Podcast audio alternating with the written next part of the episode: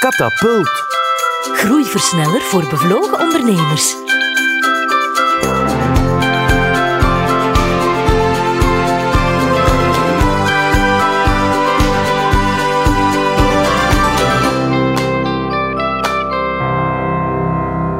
Welkom, beste ondernemer, bij een nieuwe aflevering van Katapult, de podcast waarin we elke week op stap gaan met een boeiende ondernemer. Door hun ervaringen met u te delen, staat u er niet alleen voor en maken we de toekomst haalbaarder en duidelijker. Christina, ik heb slechts één vraag voor jou. Wie is Erwin Mertes? Erwin Mertens is een BB, een bekende beenhouwer. In Heverlee en ver daarbuiten is zijn zaak de Kapblok een begrip. De Kapblok werd verschillende keren uitgeroepen tot beste slagerij van België en werd ook door Uniso onderscheiden voor de hoge kwaliteit en versheid van hun 100% zelfgemaakte producten. Voeg daarbij een grote klantgerichtheid en een grote focus op innovatie en je begrijpt hun zeer verdiende succes. Ik ging naar de slager en ik nam mee drie bloedworsten, een portie huisbereid stoofvlees en 300 gram salami. Loop even mee in de kapblok van Erwin Mertens. In deze zone worden de salades gemaakt. Zoals u kan zien de- zijn ze nu hespan snijden voor de hespensla. Ja? En dan hier in deze gedeelte wordt, Oh, sorry. het, wordt het vlees uitgebind. Het vers vlees. Runs, varkens. Eh, hier wordt ook eh, het gehakt gemaakt, de worsten, de charcuterie. Eh, dus dit is beenhouwerij gedeelte eigenlijk. Hè. Ja? En dan gaan we nu verder gaan naar de andere kant. alles, eh, alles vers Ja. en alles zelf. Ja, wij zijn in België de enige slagerij die 100% alles zelf maakt. Ja, echt? Ja, dat is Enige wel zo. in België? Ja. Dus bij ons is eigenlijk het motto heel simpel van de klanten. Die krijgen 1000 euro cash per artikel dat in onze toonbank ligt, dat niet zelf gemaakt is. Behalve de kazen, Ah ja, ja, ja, ja. voor duidelijkheid. ja. Zeg van waar eigenlijk jouw liefde voor het vak? Heb je dat van thuis uit meegekregen? Mijn ouders hadden een slagerij. En eh, ik wou eigenlijk nooit worden. Totdat ik eh, 16 was. Ik was op internaat in een elite school. Ik ben een Montfortale. Dat wil zeggen, ik was daar een burger tussen al die zonen van notarissen, advocaten, kolonels eh, van Vleger in Keulen in mijn tijd en al die dingen. En ik zat daar. En bij mij werd er altijd gelachen. Met een beenhouwer. Dat was, ai, dat werd altijd zo denigrerend gedaan met een beenhouwer. Op een moment, ik ging altijd samen met een buurjongen naar school. Op internaat, maandag en vrijdag, want mijn ouders hadden geen tijd om mij weg te doen en te komen halen. En op een bepaald ogenblik eh, moest ik naar de oogarts op de maandagmorgen. En mijn vader die ging mij naar het school dan brengen later. En die, ja, ik kom dan naar school, dan moet ik hier rijden. En mijn vader reed toen mijn Porsche. En eh, als beenhouwer, hè, al die mannen altijd een stoeven van een Volvo en een Mercedes thuis. En ik red die Porsche gewoon door dat school. Wat moet ik zijn? Ik heb die daar de ene toer door de hele school kunnen, voorbij al die klassen. En toen was ik in één keer een held. En beenhouwer, mijn vader een Porsche. Oh, ja, bij ons in het dorp heeft een bakker ook een Porsche. En, ja, en zo, hè, zo ging dat dan. En één keer was dat hoorde ik erbij. Belachelijk, hè? Ik weet het belachelijk is. En toen dacht ik van eigenlijk we kunnen evenveel bereiken. En dat is de klik geweest. Dat is echt dat is de klik geweest voor die Porsche eigenlijk. Eh, Voor, voor dat, ja, je kunt geld verdienen, maar maar in één keer besefte ik van eigenlijk hebben wij thuis niet minder als, Nee. als al die notabelen. nee. Maar dat was bij mij een klik. Ik, werd eigenlijk, ik wou dat nooit doen, omdat ze naar mij lachten. In het lager onderwijs was dat. In het middelbaar was dat de. Dat was, het, het was bijna als scheldwoord. Een beenhouwer. Een kon dat niet tegen.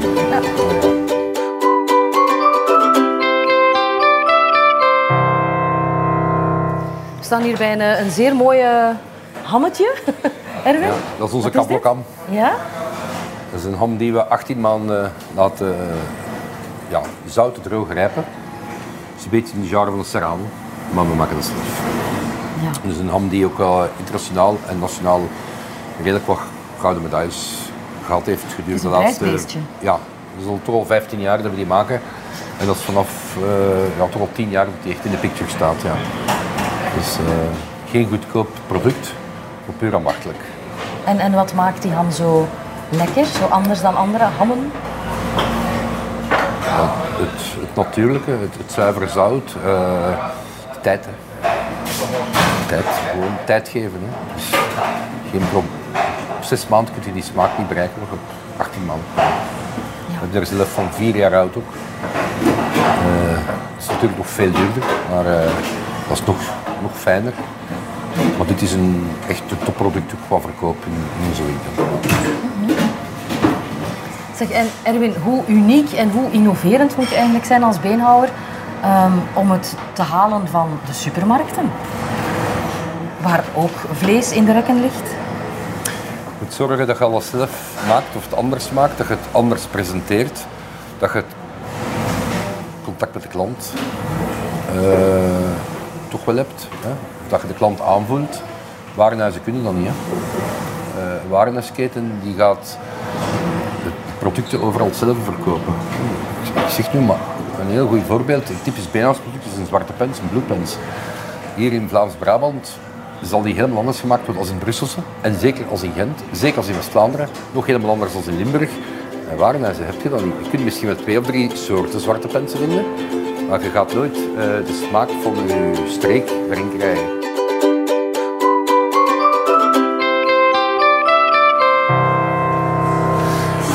Hier zitten we dan eh, in de warme zone. Ja? Hier ziet u de ovens, de combi-steamers. Kippetjes liggen te braden. Ja. Dit is eh, een rookkast. Zoals u ziet hangen hier nu momenteel de gerookte hammen in te- roken. Ja. Eh, ik ga die terug toedoen, want er komt anders te veel rook uit. Oké, ja, dat is eh, niet gezond voor de hammen en niet gezond voor Nee, ons nee, waarschijnlijk. dat, nee. En dat is ook puur ambachtelijk natuurlijk. Die kast kan ook klimatiseren, fermenteren. De salmis worden gefermenteerd. Er heel weinig slagers die salmi zelf maken. De reden is wel de investering. Dat is niet dat ze het niet willen doen, maar dat kun je normaal...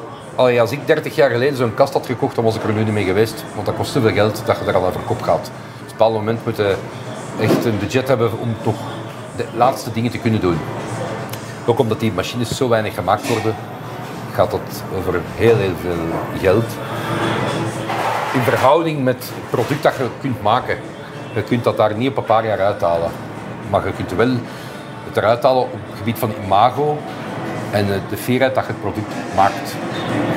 Het zou goedkoper en meer verdienen zijn om bepaalde dingen niet meer zelf te maken. Maar ik heb zoiets van, ik ben daar koppig in, we maken alles gewoon. Ja? Eh, wij werken niet met vlees uit Polen of uit Roemenië, wat dat fabrikanten wel doen. Eh, wij werken met Belgisch vlees, lokaal, ja, ja. omdat ook wij met verse producten moeten werken Ja. en geen onttooide producten. Op zich is daar niks mis mee. Hm. Want de grootste innovator in onze sector, dat is, geen dat was een beenhouwer. Misschien de grootste innovator in de hele voedselsector geweest, dat was een beenhouwer. Maar dat willen wij niet doen. Maar daar moet iedereen beenhouwer zijn hoed voor afdoen. Dat is de heer Van Reuzel geweest met zijn curryworst. Die man, die maakt de curryworsten met hetgeen wat wij moeten voor betalen om het weg te gooien. Pas op, dit is straf. Daar gaat niemand niet van dood. Hè. Het is vet, het is bloem, eh, smaakstoffen, maar je gaat er niet van dood gaan, want is iedereen al dood geweest. Want Ja. dat kan ik je lekker smaken, ook voor mij als beenhouwer. Maar je mocht niet nadenken wat erin is. Maar op zich, hetgeen dat wij moeten betalen om op te halen, daar maakt hij een product van wat dan niemand zoveel van verkoopt als... Ja. hè, is geen. Waanzinnig eigenlijk. Ja, dus ik, bij mij gaat in de winkel uiteraard geen curryworst vinden, Nee. behalve onze ambachtelijke curryworst. Dus met kalfsvlees in, kip, kalfskip en curry. Ja. Dat is een heel ander product. Nou, dat is geen afval dat erin zit. Nee, dat is lekkerder misschien, maar s'avonds als je uitgaat, dan smaakt zo'n curryworst of een hamburger of een pita dat ook wel. Hè. Dus eh, ja, dan troost ik me met het feit dat, eh, dat er toch nog niemand van gestorven is. Hè. Ja. Dus, zover wij weten. ja. Ja, nee.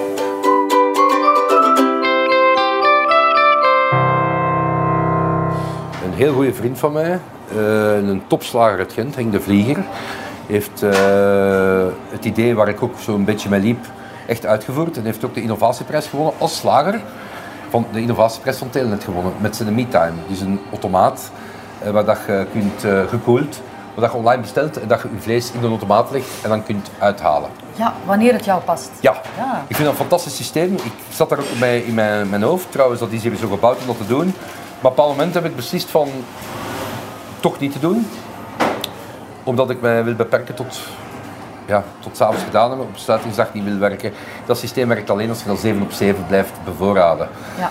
Eh, anders geloof ik daar niet in. Er zijn een aantal slagers die, die dat gebruiken onder een openingsuren of eventueel de weekdagen s'avonds.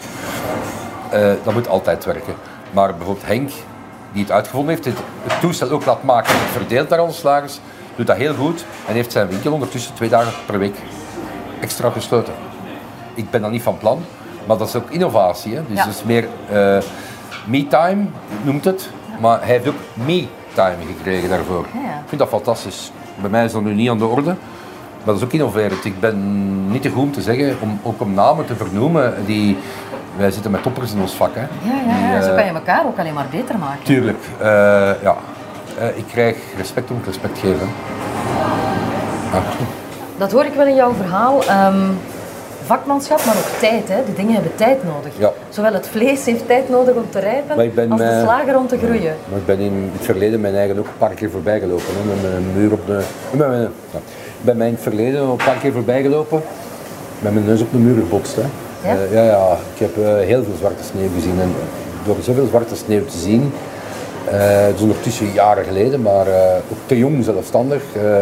het kon niet op en we doen maar, maar niet nadenken.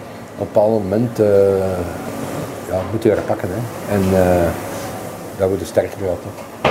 Ik zou nooit zoveel niet gehad hebben, moest ik in de tijd eh, zoveel niet afgezien hebben. Hè. En wat deed je dan verkeerd? Wat- wat- wat heb je ja, gewoon niet nadenken. Wel hard werken, veel feesten. Niet weinig met de zaak bezig zijn. Het geld kwam vanzelf. Tot dat een bepaald moment ziet van, ja, dat klopt hier eigenlijk niet. Mhm. Het is niet van de kant afgelopen, maar eh, we moeten wel herpakken. Hè. Ja. Dus eh, Plannen, vooruitdenken, ja, zulke dingen ook. Ja, natuurlijk als je op 19 jaar als zelfstandig begint. Ik heb dit de zaak van mijn ouders overgenomen. Hè. En zelf begonnen. En, eh, en ik heb vanaf de eerste dag succes. Is dat moeilijk om te dragen. hè.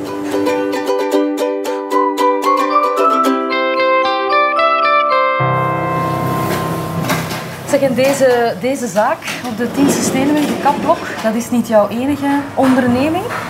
Je bent ook de trekker van een foodmarket.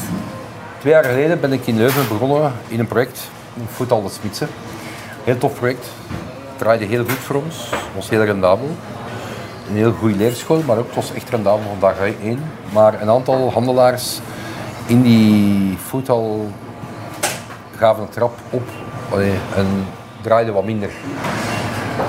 Door die, eh, ik huurde daar, en door die situatie heeft eigenlijk de eigenaar wijselijk beslist eigenlijk van ehm ermee op te houden. Hij had dan wel heel graag gehad dat wij zouden blijven, samen met het restaurant dat er was. En al de rest moest omgevormd worden tot kantoor. Maar ik ben niet begonnen, twee jaar geleden, om in een kantoor te zitten een slagerij te doen. Het was een heel tof verhaal. Het heeft heel goed gegaan voor ons. Voor sommigen was het een ramp. Eh, en ik heb dan vorig jaar in juli beslist van kijk, eh, aan tafel gezeten, ik stop ermee. Ik blijf niet alleen achter. Want ik zag daar geen toekomst dan voor mijn zaak ook niet. Ik me, kan me niet voorstellen dat dat rendabel zou blijven zonder andere winkels in mijn omgeving. Ja. En dan ehm, heb ik eh, die moment rondgekeken. En was ik aan het denken, wat ga ik doen met die investering die ik daar gedaan heb? Want dat was toch wel, ik over 300.000 euro. Dat dat winkeltje kostte. Twee jaar oud. Op internet verkopen voor 20.000 euro, dat zag ik niet zitten. Dus was ik aan het kijken, ik koop mij ergens een huis en ik zit daar een slagerij in. En ik had een paar panden gevonden, goede ligging. Maar eh, was ik aan het denken, maar eigenlijk wil ik geen tweede slagerij. Ik, wil, ik wou in dat project stappen van die food al, maar een tweede sla- ik heb al een slagerij, waarom zou ik er twee doen? Dat was altijd de bedoeling, was dat ik er al tien had. Hè? Allee. Ja. Eh, ik zeg, ja, ik weet niet, gewoon een foodal. Dus eh, op een bepaald moment kwam er eh, dan in, in die periode een groot pand te koop, Garage Ilco, ex-Saab, dan Kia. Die eigenlijk de nieuwbouw want dan zijn aan de overkant. Dat kwam te koop, ik ben met die mensen binnengegaan en eigenlijk was dat dan, ik kende die mensen al van vroeger. En was dat eigenlijk ja, na een dag al geklonken. Allee, en dan heb ik dat pand gekocht en daar gaan we nu een foodal open doen, een foodmarket. Maar dat gaat geen foodhall of foodmarket zijn, maar een foodgarage. Dus dat wil zeggen, eh, wij gaan eh, de look van een garage houden. Daar komt een slagerij, een traiteur van ons uiteraard. Ja? Wij gaan daar ook groenten en fruit doen. Omdat de stok van groenten bij ons zo groot is dat ik er eigenlijk de groentewinkel kan mee open doen, vind ik het misschien ideaal dat we dat aanbod kunnen geven aan de klant. En dan eh, komt er nog bakkerij Au Flam Breton. Het Leuven, een bekende bakker die op het opkomen is. Ook al jaren onze leverancier Ja? van desserts. En achteraan komt er een restaurant. En dat gaan voituur eten. Dat- Voituur dat- in de garage. Ja, dus in de huidige werkplaats gaat niet zoveel veranderen. Behalve dat daar een open keuken in komt. En hopelijk lekker eten, warmte. We gaan aan een goede stoel zitten en een goede tafel. Eh, maar uw omgeving zal echt een werkplaats zijn. We gaan dat ook zo houden. Ja. Er gaan bruggen blijven staan, er zal nog een auto op een brug staan. Er zal eh, hier en daar nog tools hangen, kastjes van vroeger van de garage. De commentaar, de reacties zijn enorm enthousiast van de bedrijven, van de mensen die er wonen. Maar eh, het vel en een beer en de voetjes op de grond. Hè. Het moet nog open gaan. We gaan ons best doen en ik ben ervan overtuigd dat dat gaat marcheren. Maar om daar nu uitspraken over te doen, liever niet. We zullen wel zien. Oosten heet het, ja? Oosten, het dialect van Aastrode.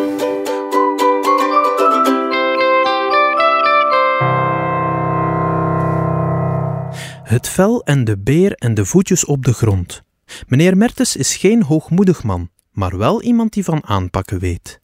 We sommen kort voor u op welke lessen meneer Mertens ons heeft bijgebracht. 1. Wees anders dan de grote spelers. Maak als kleine zelfstandige je product op een andere manier en presenteer het ook anders. Om het met een flauwe woordspeling te zeggen, bij elke beenhouwer in het land zal je een andere soort zwarte pens vinden. In de supermarkt vind je enkel eenheidsworst. 2. Laat succes toe. Je hoeft niet uit hoge kringen te komen om prachtige dingen te bereiken. Maak mentaal de klik en besef: ik kan evenveel bereiken als een ander. En 3. Het is misschien wel belachelijk, maar het helpt als je vader een Porsche heeft. Zie je wel, papa? Nu hoor je het ook eens van een ander. Goed, hier eindigt de katapult van deze week, maar wacht nog heel even alvorens zwarte pensen te gaan kopen in slagerij De Kapblok, want zo dadelijk heeft Erwin Mertens voor u nog de ultieme ondernemerstip in petto. Tot de volgende katapult.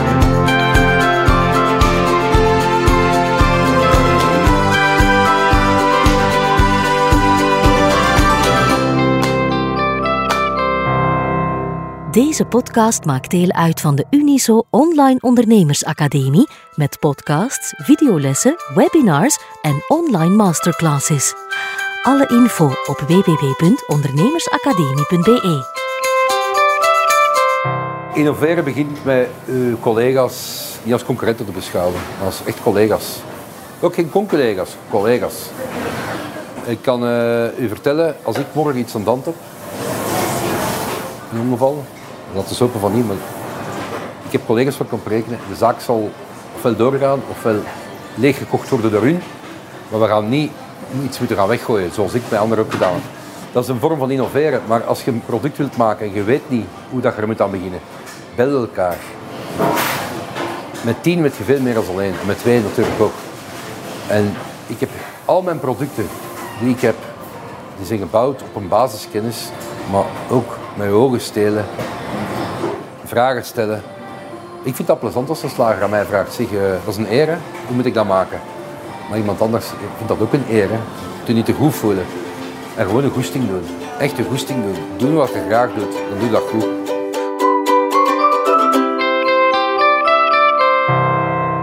Deze podcast kwam tot stand met de steun van Sintra Vlaanderen en Liantis. Liantis wil innoverende ondernemers alle ruimte geven om te doen waar ze goed in zijn. En daarom zetten het met veel goesting en plezier de schouders onder deze podcastreeks.